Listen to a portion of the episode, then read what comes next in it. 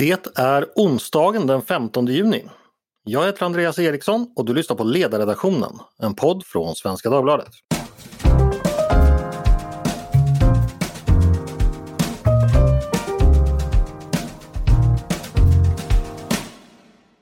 Varmt välkomna ska ni vara. Sverigedemokraterna är ju som bekant numera en del i det borgerliga regeringsunderlaget.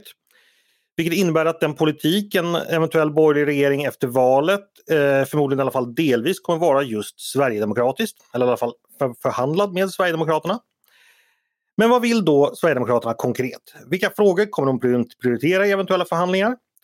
Detta försöker jag reda ut i en serie poddar där jag helt enkelt frågar ledande sverigedemokrater om deras prioriteringar och tankar inför en sådan förhandling. Idag har turen kommit till skolan, denna fråga som nästan alltid återfinns högt uppe eller till och med högst uppe på väljarnas lista över de viktigaste politiska sakfrågorna. Och därför sitter jag här med Rickard Jomshof, skolpolitisk talesperson för Sverigedemokraterna. Varmt välkommen hit! Tack så mycket! Du, min första fråga. Eh, du är ju själv lärare, har jobbat som lärare. Tycker du att det ger dig ett särskilt perspektiv när det kommer till skolpolitik som du inte skulle haft annars? Ja, det tycker jag. Framförallt har jag intresset och jag har alltid tyckt att skola och utbildningsfrågor är väldigt viktiga. Och sen det är klart, nu har jag ändå hunnit jobba några år i skolan och även innan jag blev färdigutbildad så jobbade jag som lärarvikarie på ganska många olika skolor och har sett också många, alltså jag har sett många olika skolor och många olika klassrum och olika verkligheter som finns där ute. Så att jo men absolut, det är eh, otroligt värdefullt att ha den kunskapen och erfarenheten med sig. Varför blev du lärare? Ja men dels så har jag alltid tyckt om att arbeta med människor. Jag hade en tanke en gång i tiden innan jag började läsa i, Lund att jag skulle jobba i butik och ha en Konsumbutik faktiskt. Utbilda mig till så här butikschef. Och tyckte det var ett otroligt roligt jobb. Just jag... Konsum också, alltså kooperationen? Ja, ja, men nej det var inte så att det var någon ideologisk övertygelse utan det handlar mer om att jag fick chansen att jobba där och, och trivdes. Så att eh, det var, jag kan väl säga så att man, man gick en speciell aspirantutbildning som det heter för att då bli förberedd för att kunna ta över en egen butik. Så det var nog mer slumpen att det blev just eh, inom Solidar. Så det var mm. inte alls ideologiskt. Men då insåg jag att jag tyckte om att arbeta med människor och sen gjorde jag min militärtjänst och funderade mycket på det här att jag faktiskt ville plugga vidare för jag har alltid haft ett väldigt stort intresse för SO-ämnen, framförallt geografi och historia som är mina huvudämnen och valde helt enkelt att söka in på lärarutbildningen. Kommer du själv från en familj där dina föräldrar hade akademisk bakgrund? Nej, tvärtom. Eh, arbetarbakgrund, det har funnits en och annan i släkten som har högre studier och så, men eh, väldigt få. Så att nej, det har jag inte, utan det där är ett intresse som jag har som bara har växt fram. Jag kan inte riktigt förklara var det kommer ifrån, men eh, arbetar med människor och, och älskar SO-ämnen. Så att ja, nej, det, det bara växte fram på något sätt. Du utbildade dig till lärare, som jag förstår, mitten, slutet på 90-talet ungefär. Eh, fick du en bra lärarutbildning då tycker du? Jag började läsa 93 och gick ett år på Malmö lärarhögskola och sen, den, själva utbildningen var fyra och ett halvt år, men jag har läst mina sex år så att säga. Mm. Så att fem år i Lund och ja, men det var ungefär den tiden, mitten? Ja, det var det 93, precis till 99 och mm. jag vill nog påstå att jag hade redan då faktiskt en hel del kritik att rikta mot själva delen som var förlagd på Malmö lärarhögskola. Men älskade min studietid i Lund, alltså de fem åren i Lund som jag, ämnesstudierna tyckte jag väldigt mycket om. Så att jag hade en del kritik att rikta eh, och det var det nog ganska många som hade, men det kanske är ofrånkomligt. Jag kan tänka mig att det finns mycket att göra just inom lärarutbildningen, det tycker jag, men jag tror att det, det, är en utbildning som alltid kommer att vara föremål för kritik. så att säga. Det kommer alltid finnas människor som tror att det kan bli bättre. Och jag tror att det kan vara så. Men, men nej, jag var ganska, ganska missnöjd faktiskt med, med just året i Malmö. Vad var det som var, var fel då? Ja men dels hur utbildningen var upplagd. Jag kan tycka någonstans att det hade varit värdefullt med mer konkreta exempel. Alltså jag, jag läste till exempel en sommarkurs eh, i metodik tror jag det var där vi som låg utanför alltså lärarutbildning. Det var helt enkelt en sommarkurs som erbjöds där vi fick spela in varandra. Mm. Och, och, eh, i klassrumssituationen och sen så tittade vi på dem och helt enkelt kritiserade varandra och berömde varandra. Och det var oerhört värdefullt att se sig framför en kamera och se hur man står, hur man för sig, Um, och jag kan tycka att till exempel en sån utbildning borde ha ingått i den ordinarie lärarutbildningen för det hade varit oerhört värdefullt för alla att faktiskt se sig själv. Och det tar oftast en tid innan man blir bekväm i rollen som lärare. Och jag kan också tycka att det har, att det, ja men framförallt efterfrågade många studenter mer konkreta exempel men svaret vi fick var väl mer att det får ni upptäcka själva. Mm. Och jag tyckte det var bitvis lite flummigt men eh, det är så pass länge sedan nu så att eh, en del av det har kanske fallit i glömska. Men, eh, mm. Många som tycker saker starkt politiskt som du gör eh, kan tycka att deras utbildningar eh, är ideologiskt färgade eller att de har en politisk vinkling åt något håll, alltså inte åt ens mm. eget håll. Upplevde du det så?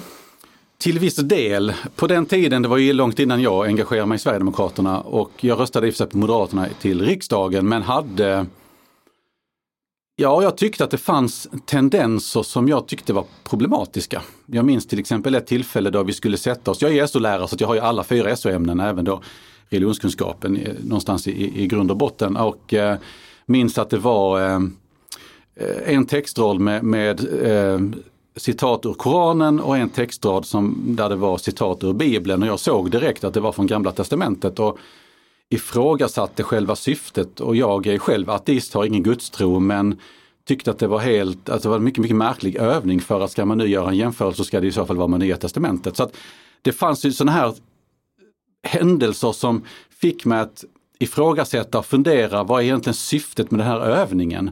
Och syftet med den övningen det var någonstans att, att de, vi ska tycka att det är lika dåligt. Och det var där någonstans jag Alltså också... religionerna, med, ja, men, urkunderna? Ja men så ungefär. För tanken var väl från deras sida att, att visa på att Koranen och Bibeln är lika dåliga. Mm. Och det hävdar jag att de inte är, för jag har läst både Nya Testamentet och Koranen och det finns oerhörda skillnader däremellan vill jag påstå. Jag bara menar att det var bara ett exempel av flera där jag tyckte att övningarna var märkliga. Um, och det var innan jag själv hade landat i vad jag tyckte i många sakpolitiska frågor. Men det var, det var ju en del under den resa jag gjorde under 90-talet innan jag så att säga hitta mig själv ideologiskt. Så jag tyckte nog att det var lite färgat men eh, jag vet inte. Det, det, är klart att det fanns kritik att rikta, det tycker jag. Kan man till och med säga så här då att eh, på den, du beskriver en resa där du då hamnar i Sverigedemokraterna och i nationalismen och i socialkonservatismen. Mm. Var lärarutbildningen så att säga det upplevelserna därifrån, var det, kan man säga att det var en del av den resan som så att säga, puttade, puttade dig ditåt? Eller ja. det går för långt?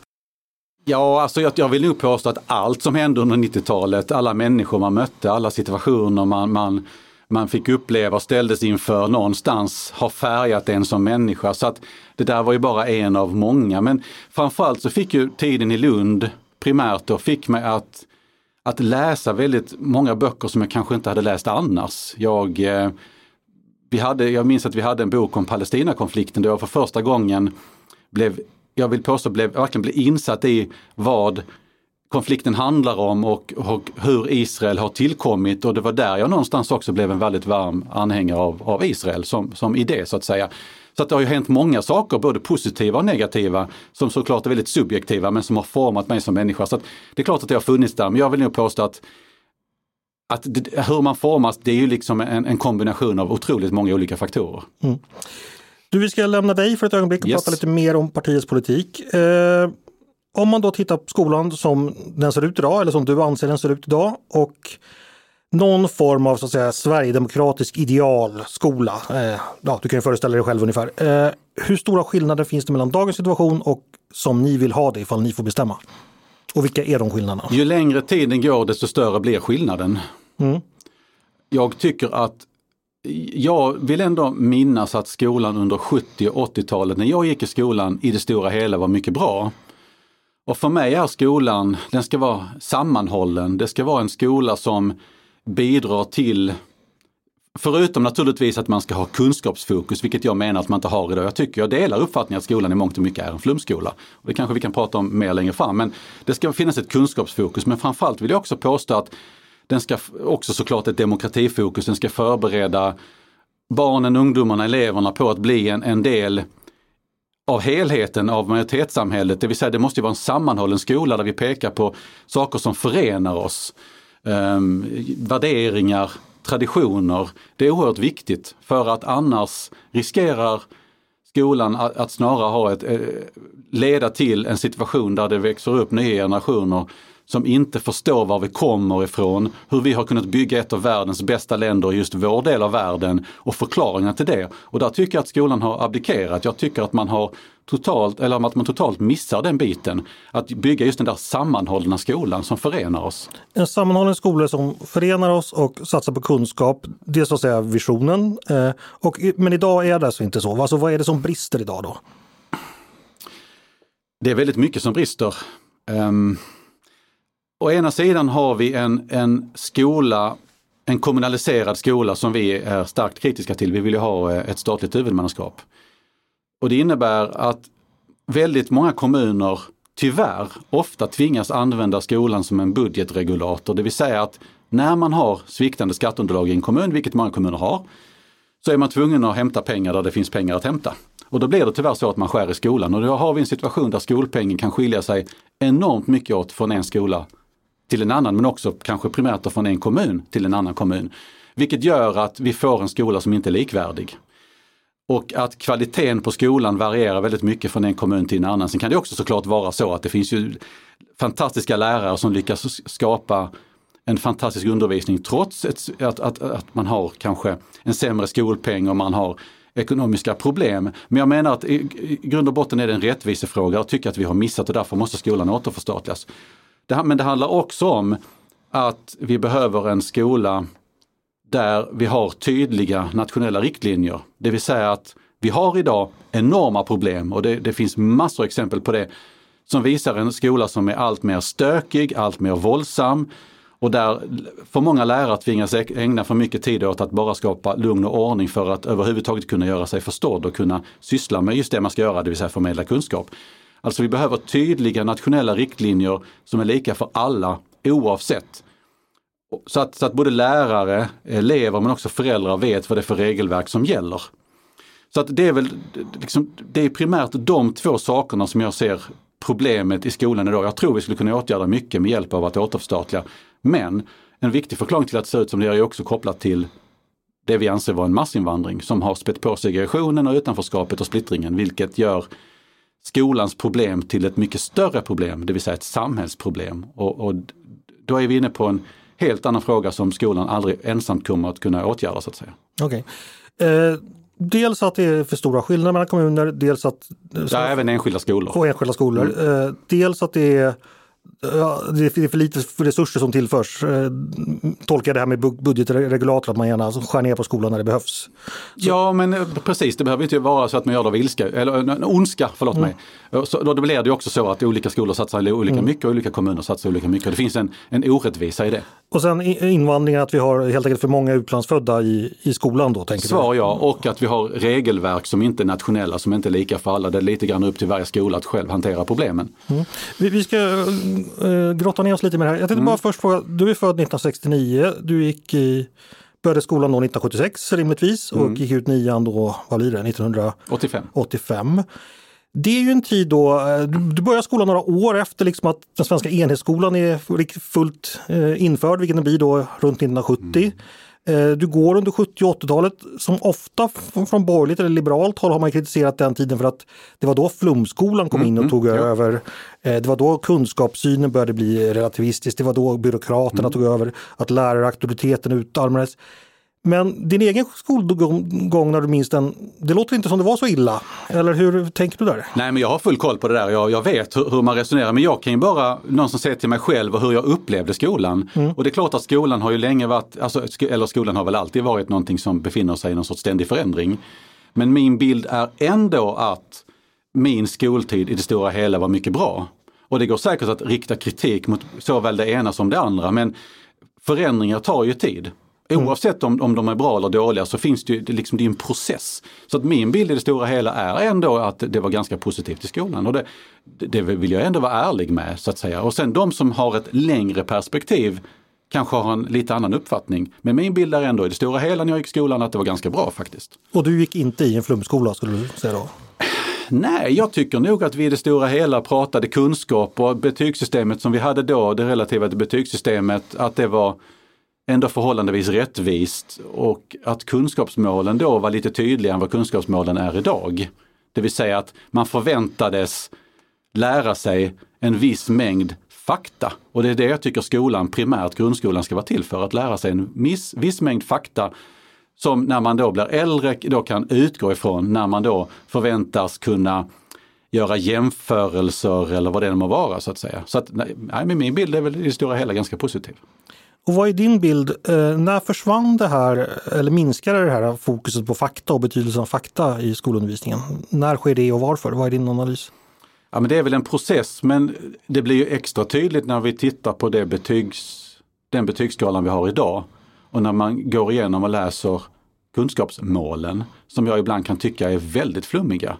Och där man sätter kunskapsmål som väldigt många barn aldrig någonsin kommer att kunna uppnå. Jag har ju själv två söner, en som precis har gått ur gymnasiet och en som nu har gått ur nian. Och jag, två väldigt duktiga och intelligenta barn där vi, som då har tur att, att de har föräldrar med akademisk bakgrund, där vi har kunnat förklara för dem ungefär vad som förväntas av dem, där man kanske inte riktigt har, har varit tydlig nog från skolan och där kunskapsmålen faktiskt är ganska flummiga och svårbegripliga. Där vi har fått gå in och hjälpa dem. De förväntas alltså eh, att, att då själva leta kunskap och så sitter man och surfar på nätet. Men du har inte nödvändig bakgrundsinformation. Det finns liksom ingen kunskapsbas att utgå ifrån. Hur ska man då, som till exempel en sjunde, åttonde, nionde klassare kunna värdera det du läser på nätet, om det stämmer eller inte. Och vad den, vad den textmassan egentligen är värd i den stora hela alltså frågan som man då håller på att analysera eller forska kring eller vad man än vad kallar det. Jag tycker det är otroligt flummigt och jag tycker att det är otroligt ansvarslöst att utsätta barn för det här. Jag menar att vi ska bli, när man går framförallt i grundskolan, då ska man ha tydliga läroböcker. De läroböckerna ska vara lika för alla barn.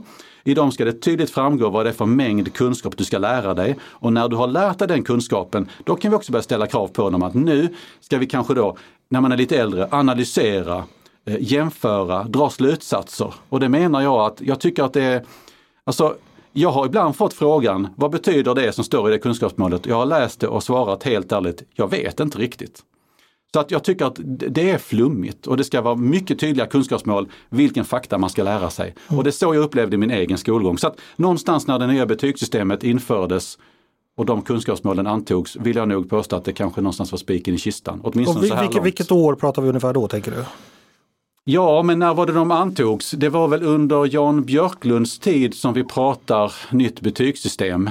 Ja, du tänker på dagens ATF-skala då alltså? Eller? Ja men exakt ja. Mm. Och jag, där, jag tycker att den skalan är bättre än VG-MVG-systemet mm. som vi hade tidigare. Jag är mer alltså, kritisk till själva för de målrelaterade kom ju redan på 90-talet, mm. 95 tror jag det var. Ja, men det, det, ja just det. Ja. Ja, men det, det här med betygssystemet är ju en, en fråga i sig. Jag vet inte om jag har tid att gå in på det här men jag brukar säga att skolan, alltså det finns ju en, en pendel och den svänger. Mm. Lite beroende på om du har en, haft en borgerlig regering eller en, en, en röd eller rödgrön regering där den pendlar, pendlar skarpt åt ena och andra hållet och där man så snabbt det bara går vill genomföra förändringar i en viss ideologisk riktning. Och det är lite det som jag tror också är problemet med skolan idag. Att reformer har aldrig riktigt haft tiden att sätta sig. Men jag bara menar att läser man kunskapsmålen idag mm. så vill jag påstå att det finns många kunskapsmål som är orättvisa mot barn i den åldern och som är svåra att förstå. Okay. Det är vad jag tycker i alla fall. Ja, vi behöver inte gå in på detaljer helt och hållet men om jag tolkar det rätt i alla fall. Det fanns ändå en relativt bra skola om vi liksom går så långt tillbaka som till 80-70-talet så att säga. Den är inte bra idag. Någonstans däremellan sker en gradvis förskjutning där kunskaperna försvinner till förmån för liksom formella mål som blir allt för flummiga. Liksom, eh, kan man sammanfatta din ståndpunkt? Ja, allt är inte dåligt idag men jag tycker Nej. vi har gått i fel riktning i varje fall. Mm. Det finns mycket i skolan som fortfarande är bra naturligtvis. Mm. Eh, för nu tänkte vi ska gå in lite på vad Sverigedemokraterna vill göra för att lösa det här. Och går man in på er hemsida och då väldigt snabbt klickas fram till utbildning, mm. då är det fyra punkter ni vill lyfta fram främst. Då. Och den första är då att eh, ni vill förstatliga skolan. Mm. Eh, du har varit inne på det lite tidigare, men vad är det man löser med det? Ja, men det ena handlar som sagt om, om eh, resursfördelningen. Att då är det, det är mycket, jag menar att det är statens ansvar att säkerställa att skolorna ute i våra kommuner är så likbördiga, eller att de, de, är så lika som det bara är möjligt. Det kommer aldrig gå att, att införa eller att driva igenom en skola som är helt fullt ut rättvis. Men det måste ändå vara målet. Och det handlar om att resursfördelningen ska vara så rättvis det bara går.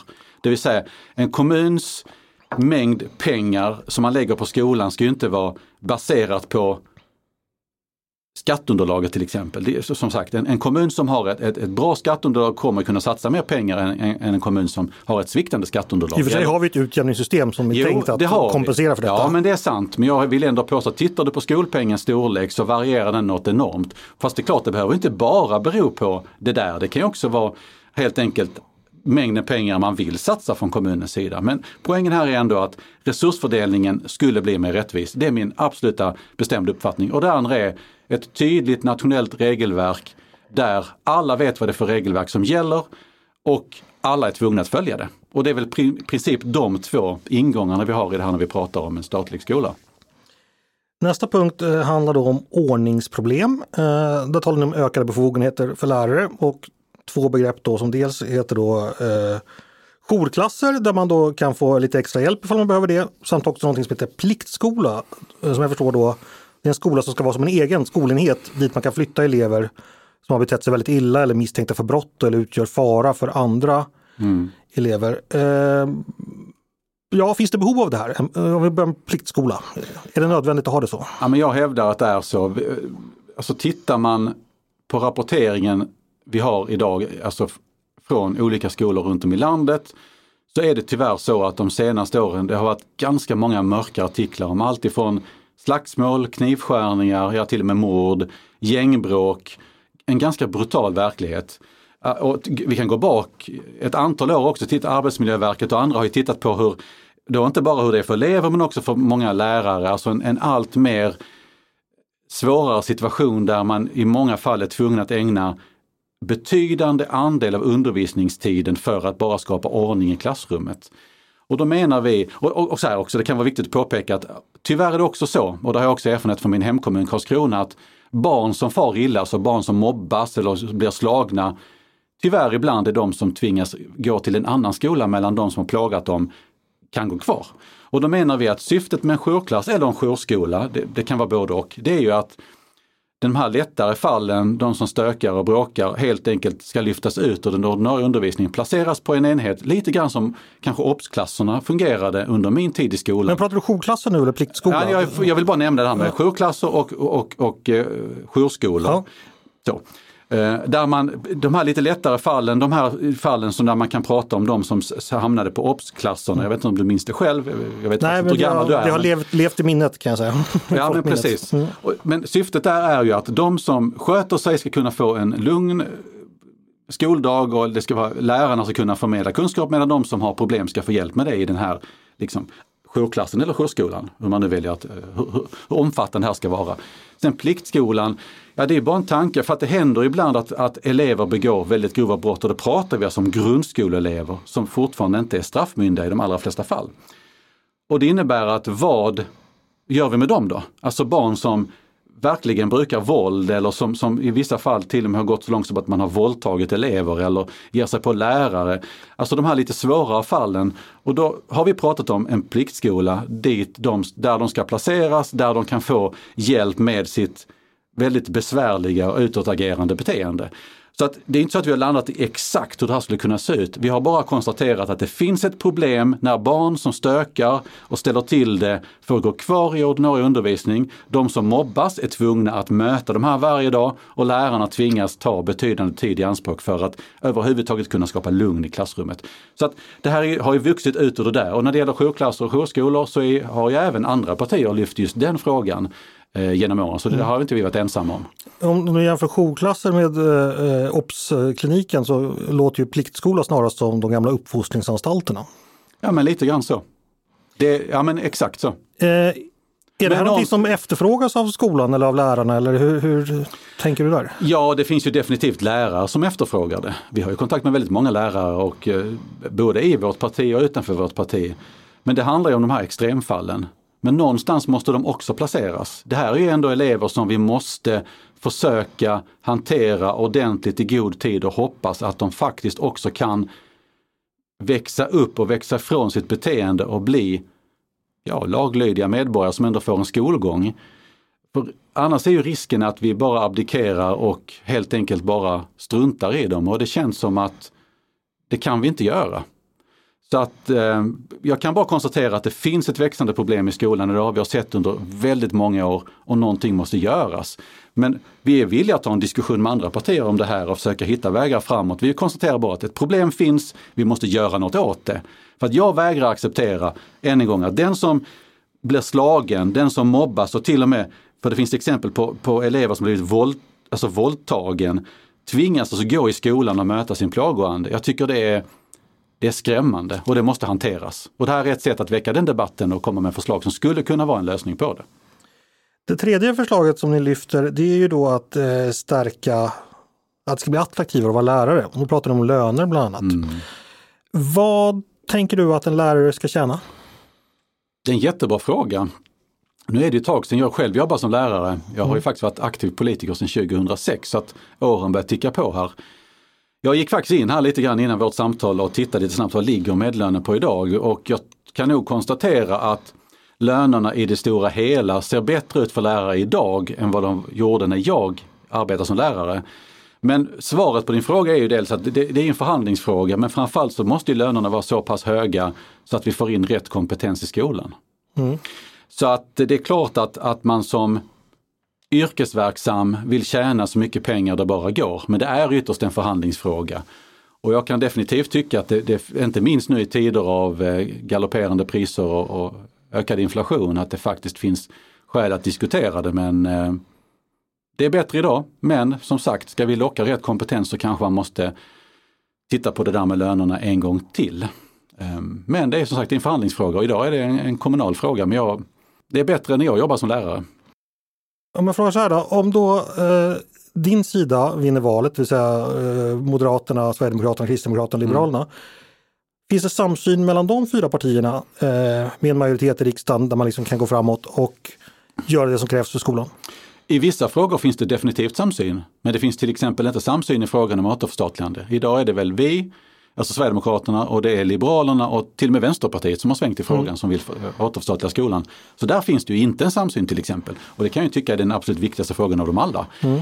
Så att, eh, men i vissa enskilda sakfrågor finns det definitivt en samsyn. Mm. Men jag kommer, skulle vi hamna i situationen att vi faktiskt får chansen att sitta en regering, då kommer åtminstone jag, och det är helt ärligt, driva frågan att vi försöker prata över partigränserna för att åtminstone i så många frågor som det bara är möjligt hitta en väg framåt.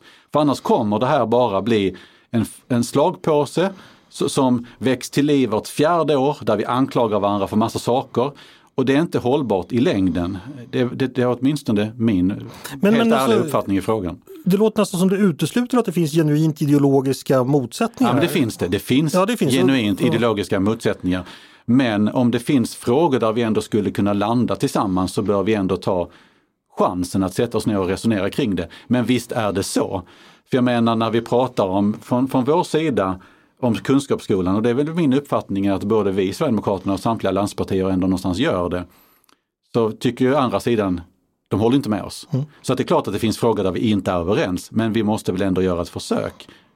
Vi får, se, vi får se ja. hur det går med det helt enkelt. Mm. Eh, nu tänkte jag byta spår lite. Eh, Sverigedemokraterna är ju som det heter i ert partiprogram ett, eh, ni har en nationalistisk grundsyn. Eh, där står det också att, eh, eh, eller principprogram heter det. En politisk rörelse som vill slå vakt om den gemensamma nationella identiteten. Eh, vilken roll skulle du säga att skolan spelar i ett sådant så att säga, nationalistiskt politiskt projekt om man ska uttrycka sig högtidligt? Ja, skolan, skolan, det är klart att skolan har en, en viktig roll att spela. Vi pratar om kommande generationer som ska ta över det här landet och styra det i förhoppningsvis en bra riktning. Så det är klart att den undervisning och den grund vi ger våra barn, ungdomar och elever, det är jätteviktigt att den håller hög kvalitet. Jag vill ju påstå att utan nationalism inget Sverige. Alltså, vi hade inte haft ett Sverige, vi hade inte haft ett generellt välfärdssamhälle, ett så tryggt och stabilt land som Sverige under så lång tid ändå har varit, trots problem idag, om det inte vore för nationalismen, det vill säga saker som förenar oss, det här kittet som har fört oss samman. Och där är det viktigt naturligtvis att, att kommande generationer får den kunskapen med sig. Eh, där man förklarar hur har Sverige kunnat växa fram och vad beror det på? Och att man får den kunskapen med sig in i framtiden. Jag tycker det är klart att det är oerhört viktigt och jag menar det handlar om en förståelse för vårt arv, vårt kulturarv, moral, värderingar, det som gör oss unika i, i vår del av världen. Så det är klart att det är jätte, skolan spelar en oerhört eh, viktig roll i det här. Får jag fråga, skiljer du dig från, eh, eller ni er från de andra partierna i skolpolitiken när det gäller just er nationalism? För att det du beskriver, det skulle, eh, från andra partier skulle man ju säga något liknande även om man kanske inte skulle betona just det nationalistiska.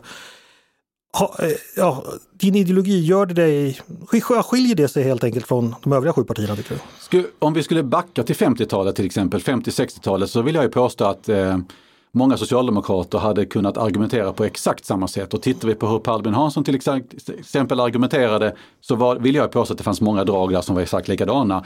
Och vi kan titta på hur Moderaterna tidigare har resonerat. Men, men idag då? Jo, men jag menar så att det, har ju, det är inte så att vi har växt, alltså bara poppat upp på marken som någonting helt nytt. Jag menar att det, Nej, det har funnits där tidigare. Nej, det, och jag har inte anklagat dig för det mm. heller. Um, men idag är vi förhållandevis unika i det. Men jag börjar ändå känna, eller uppfatta det som att fler partier har börjat förstå vad vi menar och närmat sig vår planhalva även i den frågan. Så att vi, jag vill inte, det är klart att vi kanske fortfarande är unika, men jag känner nog att fler har börjat förstå vad vi egentligen menar med när vi pratar nationalism. Det vill säga kittet som förenar oss. Och eh, det är klart att det finns en ideologisk skillnad därför det finns ju partier som som inte riktigt ser eller förstår eller värderar nationalstaten eller som tycker vi ska riva gränser och allt det här. Men jag vill ändå påstå att det finns en växande acceptans eller förståelse för vikten av en stark nationalstat i en värld som ser ut som den gör. Så fler partier går åt det skolnationalistiska hållet, kan man säga så? Nej, ja, ja, kanske, eller bara det nationalistiska hållet, det vill mm. säga att man förstår värdet av saker som förenar oss. Vilka att, partier tänker du på då främst? Ja, men ja, inte minst moderater och kristdemokrater tycker jag nog att, att jag har börjat se det och även enskilda ledamöter i, i andra partier, men det är väl primärt där kanske.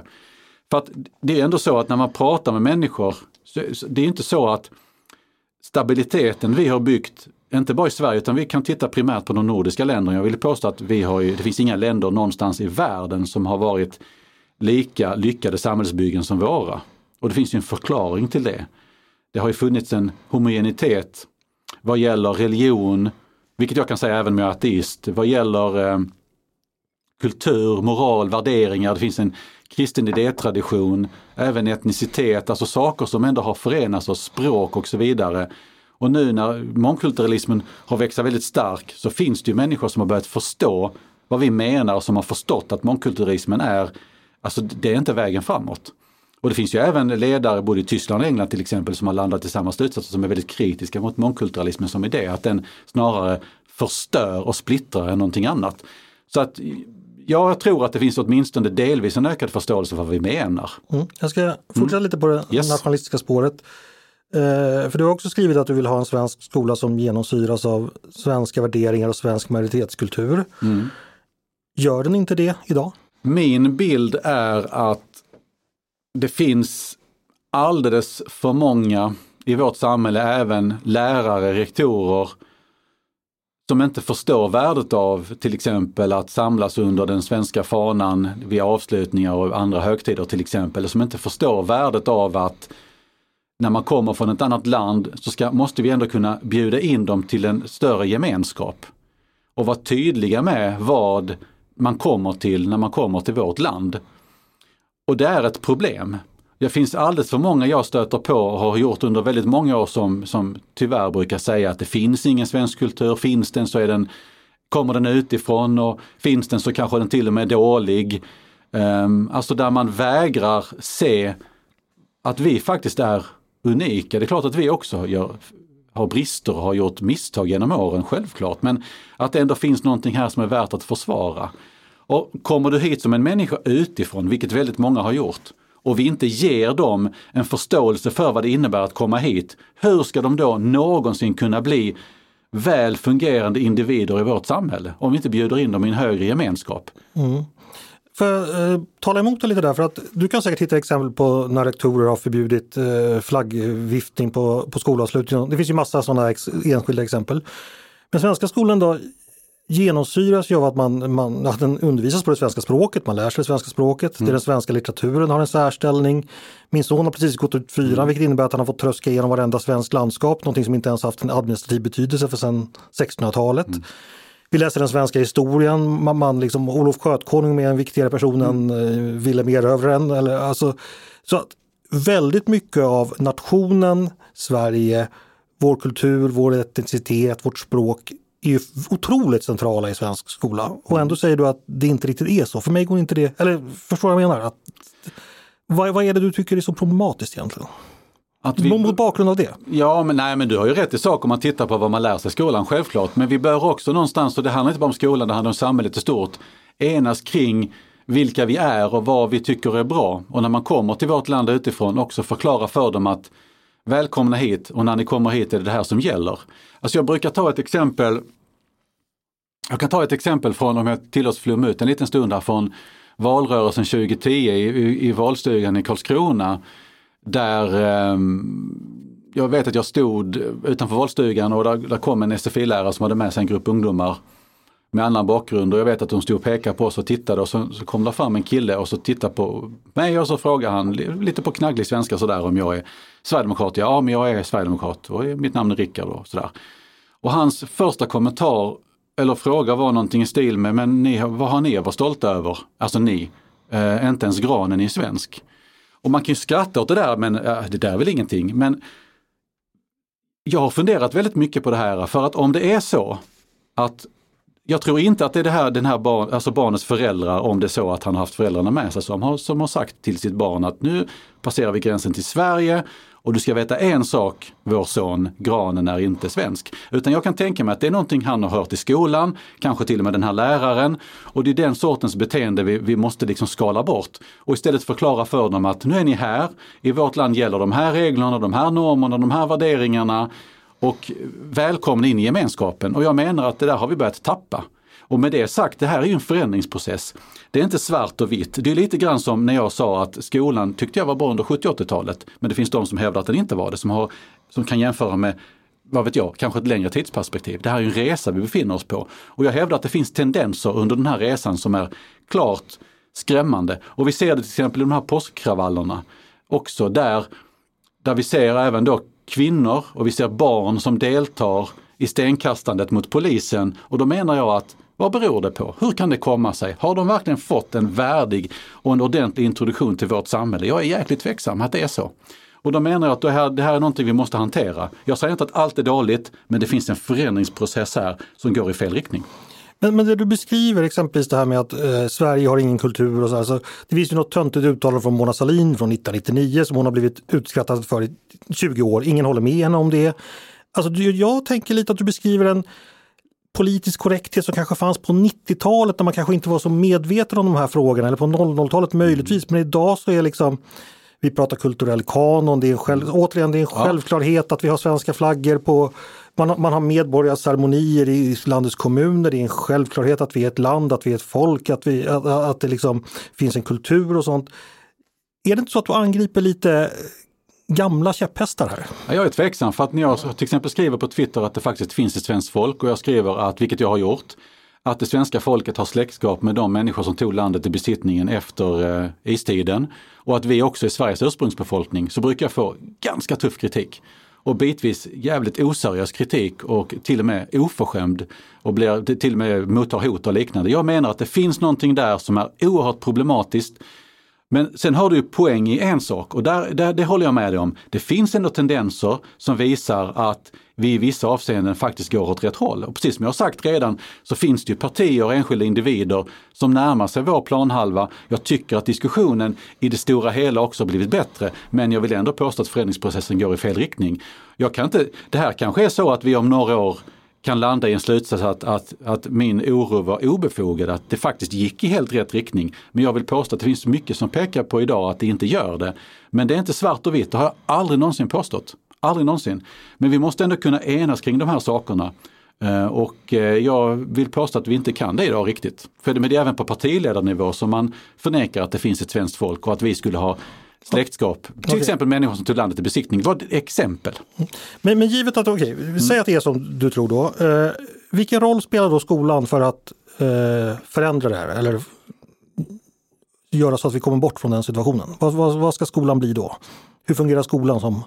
Ja men i det stora hela, jag tycker inte att allt i skolan är dåligt men jag tycker skolan måste bli ännu bättre på att förmedla den här gemenskapen. Och jag vill påstå att det finns alldeles för många barn och ungdomar. Jag brukar själv, jag har ju själv söner, jag pratar med barn i skolan, men även de med annan bakgrund som åtminstone till mig och till, som jag har pratat med ger bilden av att det inte riktigt är så, att man inte riktigt får den kunskapen förmedlad, att det finns något gemensamt som vi bör sluta upp kring till exempel. Um, och det kan jag tycka att där måste vi bli bättre. Vi bör sätta oss ner, resonera kring vad är hur är man när man är svensk och vad finns det i vårt samhälle som, som är värt att försvara och bevara och föra vidare till kommande generationer och framförallt till de som kommer utifrån. Jag menar att det är oklart. Det är klart att det finns rektorer som agerar på olika sätt. Det finns lärare som agerar på olika sätt. Det finns politiska partier som har olika uppfattningar. Men jag tycker att det känns väldigt splittrat. Så att, eh, men jag hoppas att, att du har rätt så tillvida att det ändå går i rätt riktning. För att jag menar, vi behöver inte backa så jättemånga år för att hamna i en situation där man aldrig någonsin skulle kritisera mångkulturalismen till exempel. Men man gör det idag i, i vissa avseenden. Eller är det så att du som nationalist helt enkelt efterfrågar någonting som jag inte efterfrågar, som majoriteten kanske inte efterfrågar heller än så länge då. Men att du så att säga ser dig för någonting framför dig av skolan som jag vet inte, att du vill ha någonting som vi andra kanske inte tänker på, att du, skolan ska spela en större roll eller en viktigare roll. Vad tror du om ja, det? Skolan ska spela, spelar också en avgörande roll, men det är inte bara skolan som har betydelse. Ja, men jag menar liksom det, för, för, för mig, mm. jag försökte bemöta det lite tidigare mm. med att det är inte riktigt så att skolan säger att det inte finns någon svensk kultur. Det finns enskilda exempel på det, men de är liksom fåniga, aparta exempel. Vad jag menar är, kan det inte vara så att du som nationalist eh, vill ha någonting mer av skolan som vi andra inte riktigt vill. Har du reflekterat över det någon gång? Både ja och nej, men vi kan säga så mycket att vi skulle kunna göra stickprovskontroller jag tror jag, i väldigt många skolor i, i förorter där det i stort sett inte går några svenskar och ställa frågan till barn och ungdomar. Um, vad det innebär att bo i Sverige, vad är typiskt svenskt? Och det är säkert att du skulle kunna få lite svar, men jag vill påstå att det där skulle variera oerhört. Och jag vill också påstå att vi är väldigt dåliga på att inkludera dem. Jag tycker att resultaten är tydliga. Du ser mm. det i splittringen, du ser det i segregationen, du ser det i våldshandlingar. Så att i så fall behöver vi bli bättre på det. Det kan vara som så att jag kanske överdriver problemet, men jag vill påstå att problemet finns där och vi måste definitivt diskutera det och göra vad vi kan för att försöka gör något åt de problem som ändå finns där idag. För nog finns det problem när man tittar på växande våld, växande splittring, växande oro och så vidare. Barn som går ur skolan, till exempel då med icke fullständiga betyg och allting. Det där är ju liksom en helhet så att problemen finns där. Det kan vara att jag överdriver dem, det kan vara att du förminskar dem. Det kan vara att det är någonting mitt emellan. Ja, eller att vi har olika ideologisk utgångspunkt. Jag, jag som liberal och du som nationalist kan ju ha olika idéer. Ja, men jag är också ganska liberal i väldigt många frågor. Så att mm. åtminstone klassiskt liberal. Så att det beror nog på vilken fråga vi pratar om. Jag är väldigt liberal i, i många frågor. Så att, eh, men visst kan vi ha olika ideologiska utgångspunkter. Så är det ju också att många partier har. Det kan mm. vi inte komma ifrån. Du, har skolan något form av, eh, vad ska vi kalla det, assimilationsuppdrag som man misslyckats med? Ja, men det är väl lite det vi har diskuterat nu. Ja, det tycker mm. jag definitivt. Vi har ju någonstans övergivit assimilationspolitiken och pratar integration istället. Vi hade ju en assimilationspolitik en gång i tiden så det tycker jag absolut. För det här med problemet med, med skolan som bärare liksom av svensk kultur och svenska traditioner. Är det bara utlandsfödda eller barn till utlandsfödda där man märker problemen att liksom de kommer bort från det här eller är det också då så att säga människor som är infödda svenskar sedan generationer tillbaka som inte förstår det här riktigt? Var är det liksom så att säga den här mm. skolans... Vilka ska assimileras helt enkelt? Och hur ska det se ut? Hur det ska se ut? Ja men jag vill påstå att problem har vi väl överallt. Det finns ju inte, det är klart att det inte bara är problem kopplat till människor med annan bakgrund. Det kan också vara problem mellan stad och landsbygd och mellan mm. olika landsändar. Definitivt, men ja, min bild är ändå att Sverige håller på att slitas isär och vi ser det också i den politiska debatten på olika nivåer när vi, där, där vi har väldigt tydliga skillnader, inte bara sakpolitiskt och åsiktsmässigt utan där vi också någonstans där vi har en sån avgrundsdjup klyfta ibland att vi inte ens vill förstå varandra. Och det tycker jag är farligt. Och där, måste också, där har ju skolan också ett viktigt uppdrag att försöka sluta den klyftan och försöka få kommande generationer att förstå vikten av att respektera varandra, att, att åtminstone försöka förstå varandra, att, att tar till sig vad andra har för argument och liknande. Istället, istället så ser vi, vill jag påstå, att vi, vi glider isär. Och vi glider isär mycket. Och vi, som sagt, och det, det där finns, inte minst det är någonting vi ser inom hela västvärlden vill jag också påstå. Men är det mellan inrikes och utrikes födda du tänker vi glider isär? Ja, primärt, alltså dels den biten men vi har också stad, landsbygd, vi har det mellan, om man ska utgå från vänster-höger eller om man tittar på Galtonskalan, en värderingsmässig separation så att säga. Och den är ju ideologisk. Mm. Lite grann, för, för, vi ser. För, för, för, för, efter, du talar mycket om skolan som mm. liksom byggare av en gemenskap så att säga. Hur mycket är det liksom att det, det, ska vara att de här 20% utlandsfödda ska assimileras eller inkluderas in till oss. Mm. Och hur mycket är det att alla 100% ska liksom sluta upp bakom ett gemensamt projekt. Alltså vad är vad här? Ja men det är väl både och, men vi måste ju primärt då erkänna majoritetskulturen och som man då ska bli en del av. Då kan man inte ha mångkulturalism menar jag. Där alla kulturer är lika mycket värda, för det är de inte. Nej. Um, det finns stora, och den, jag vill påstå att den svenska kulturen eller den nordiska kulturen är betydligt mer värd än många andra kulturer runt om i världen, åtminstone i vår del av världen. Och att kommer man hit så ska man anpassa sig efter den. Och det handlar ju till exempel om sådana saker som huruvida, vad vet jag, flickor ska bära slöja i skolan eller inte, vilket jag menar att de inte ska. För att det är ett kvinnoförtryckande plagg uppfunnen av män för att förtrycka kvinnor och flickor. Och då menar jag att går man i svensk skola ska man inte bära slöja utan där ska man förstå att här är vi jämställda, här är flickor och pojkar lika mycket värda. Till exempel, bara ett konkret exempel som också brukar väcka känslor och eh, vilja, mm. brukar vilja få människor att debattera. Det tycker jag, men det är ett tydligt exempel på att går man i svensk skola, då ska man inte bära slöja. Då ska man behandlas lika oavsett om du är pojke eller flicka. Mm. Men om du så att säga är ute efter någon slags monokultur, vilket det då blir, då, majoritetskulturen ska vara den som är en allomfattande kultur, så jag tolkar dig. Ja, åtminstone inom våra gränser. Ja, precis. Eh, då blir ju liksom skolans uppdrag, för jag menar, barn och ungdomar och familjer och människor kan ju hitta på väldigt mycket olika kulturellt avvikande saker. Man Självklart. Kan, eh, då är det ett väldigt stort uppdrag för skolan att så att säga eh, jag använder ordet likriktade, jag menar inte negativt eller positivt, jag menar bara som en beskrivande då, att skolan ska likrikta väldigt, väldigt mycket i ett väldigt pluralistiskt samhälle där folk har väldigt olika bakgrunder och olika idéer om hur livet ska levas. Men det har väl skolan alltid gjort och det kan jag tycka är bra. Men det är inte samma sak som att man tvingar barn eller tvingar föräldrar att bete sig på ett visst sätt vid en viss högtid.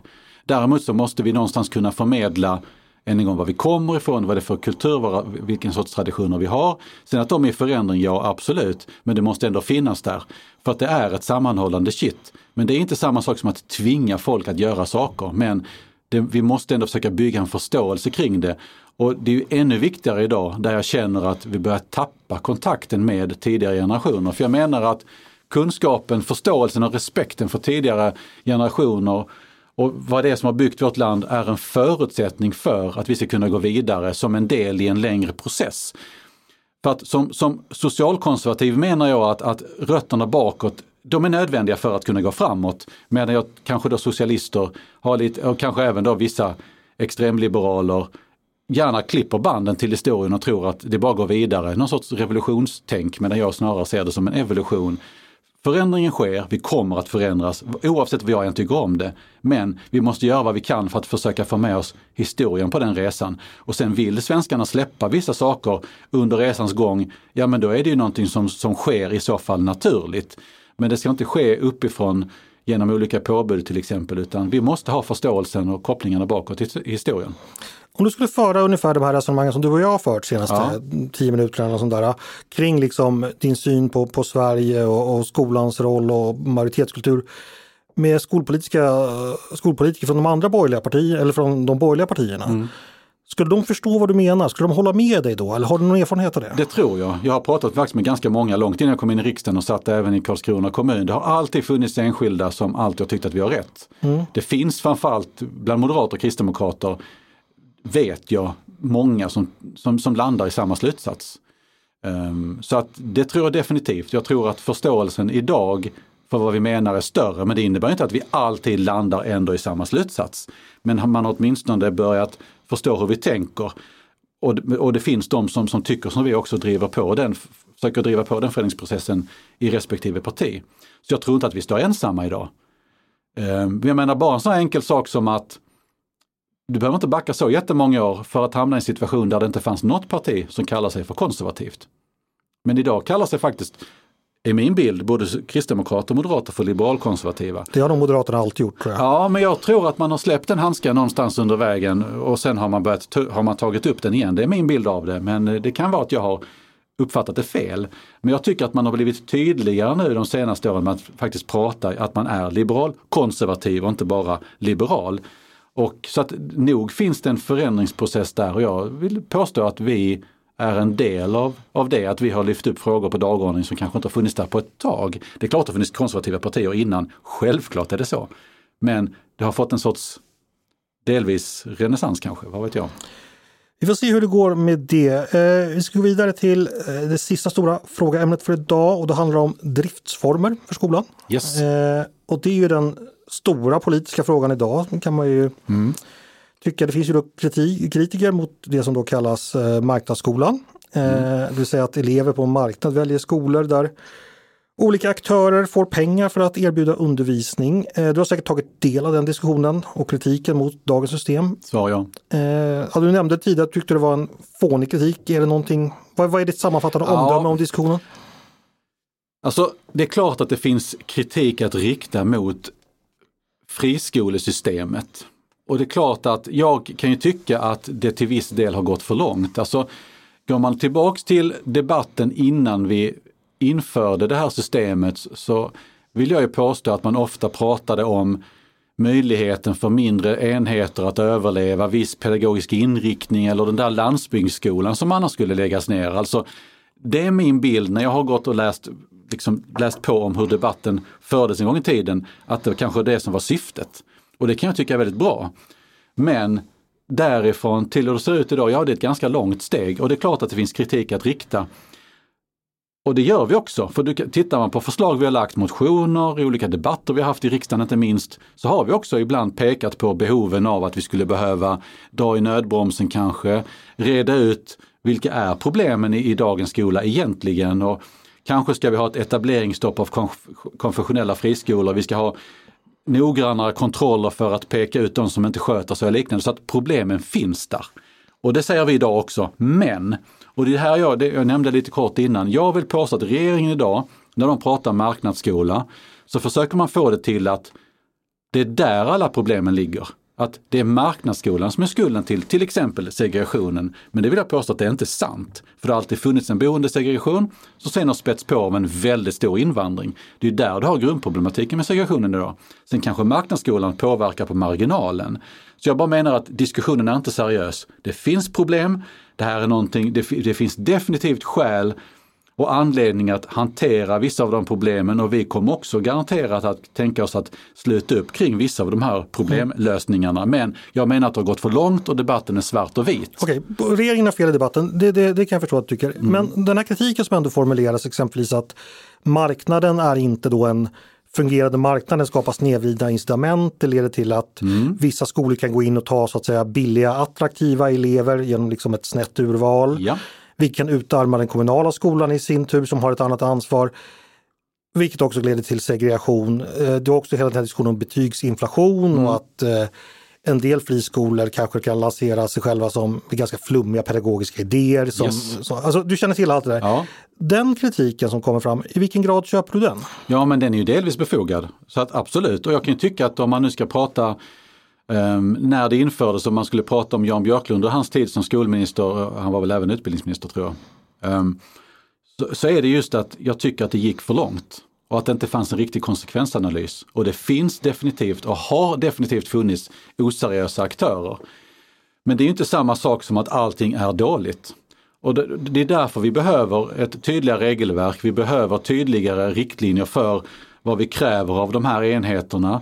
Um, så att det är klart att det finns problem, men än en gång, jag vill påstå att så som regeringen argumenterar så vill man få det till att det bara är problem. Det mm. bara mm. är dåligt. Och det är där, men det är, klart, det, är så här, det är klart att vi kan också peka på samma problem. Och vi skulle till och med, kanske till och med kunna landa i delvis samma problemlösningar. Men det är inte riktigt så allvarligt som regeringen vill påstå. Men regeringen vill ju exempelvis stoppa eh, att man ska kunna ta ut vinst ja. eh, ur skolan då, för då menar man att då kommer de här skolkoncernerna inte växa och mm. etablera fler skolor och därför kommer de problemen som du ändå medger att det här kan orsaka, då kommer det minska. Eh, mm. Eh, vinstbegränsning är någonting ni inte vill gå med på. Varför inte det? Ja, men ett, alltså, att ta ut för mycket pengar ur verksamheten, det är klart att det, här, det, det, det finns ju någonstans en gräns. Jag vill påstå att det viktigaste är ju ändå att skolan levererar kvalitet.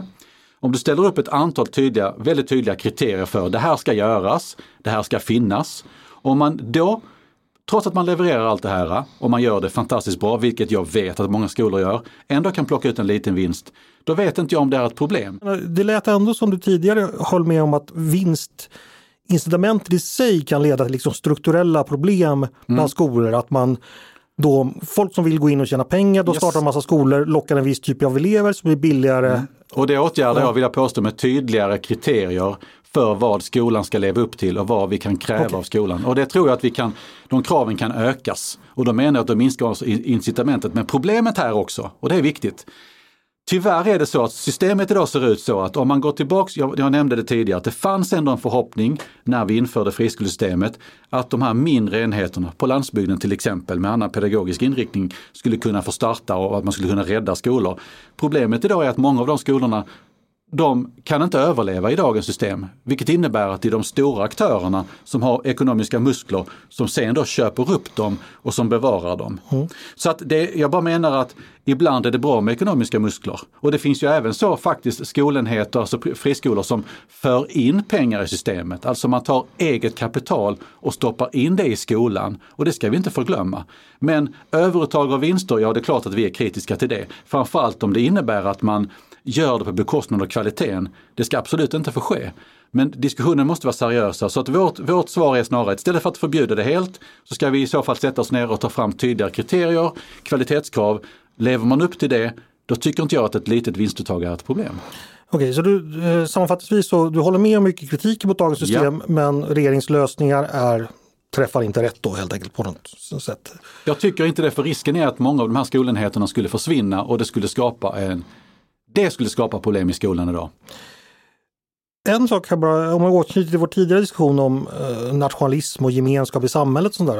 Eh, mm. Det som kallas marknadsskolan då med att ja, vilken aktör som helst kan starta en skola om man blir godkänd. Eh, mm. Visserligen måste man ju följa nationella regler och sådär men är det någonting du ser skulle kunna bidra till splittring i samhället? Att man får välja att sätta sina barn i skolor kanske långt hemifrån eller på ett annat ja, vi, sätt? Vi är till exempel väldigt kritiska till muslimska friskolor och föreslår att de ska förbjudas. Och det är vi tydliga med, bara som ett exempel. För mm. att det, det motverkar möjligheten för de här barnen att gå i en annan skola och lära sig vad det innebär att faktiskt vara en del av Sverige. Mm. Men det var inte det jag avsåg nej, nej, men Jag tänkte att vi har även fått fram kritik mot skolor som kanske har en internationell inriktning.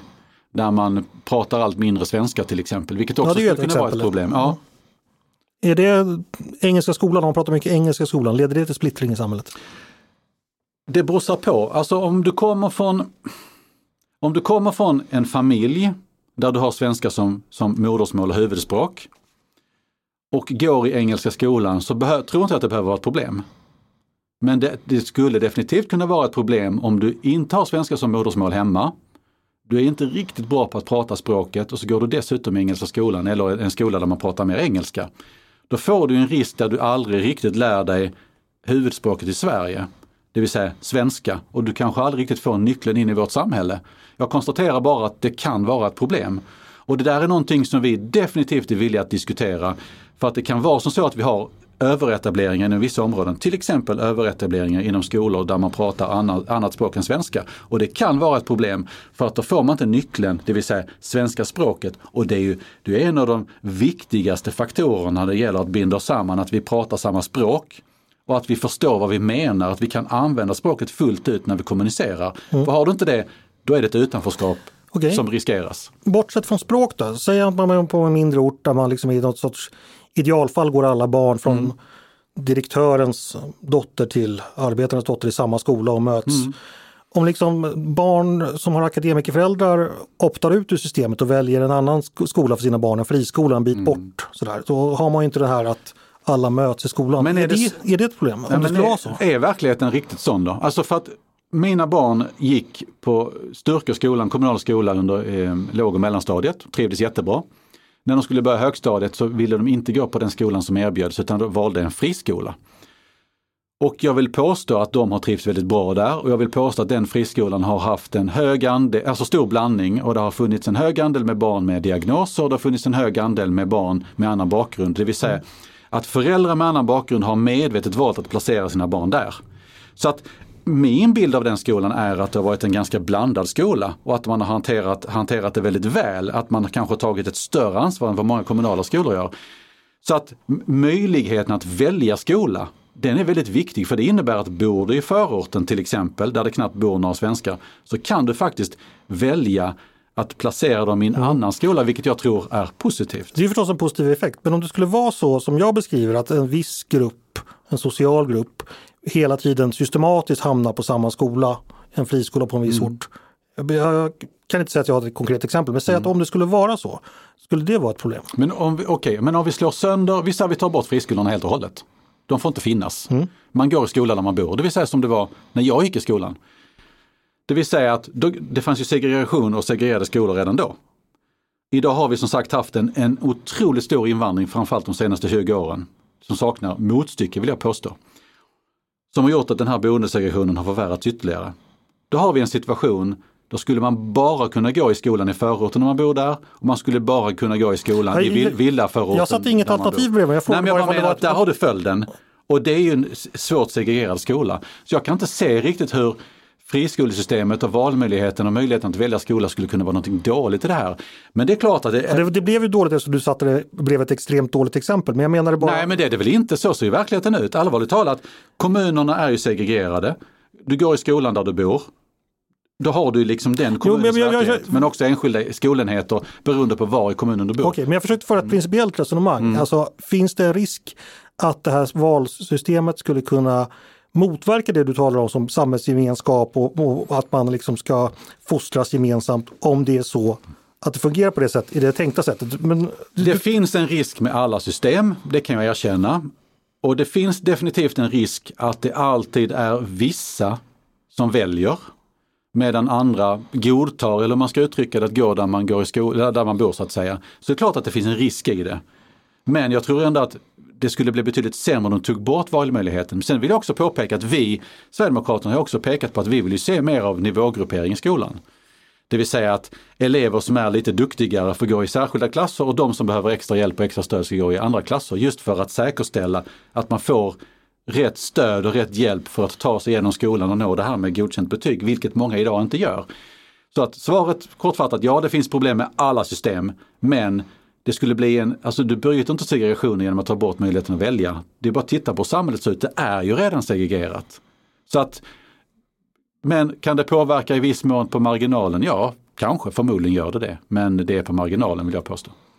Har du funderat på om det finns något paradoxalt i er inställning när det gäller just friskolor till dagens väldigt liberala system samtidigt som ni själv ofta beskriver att ni är en motpol till liberalism och, och den, liberala ja, men det traditionen. på vad du menar med liberal. Alltså för att än en gång, jag jag som... Ja, fokus på individen, valfrihet för individen i det här fallet. Ja men, det, nej, men vi har, har väl aldrig varit motståndare till att individen någonstans själv väljer väg. Det handlar ju däremot bara om att, alltså så här, extremfallet, väldigt förenklat.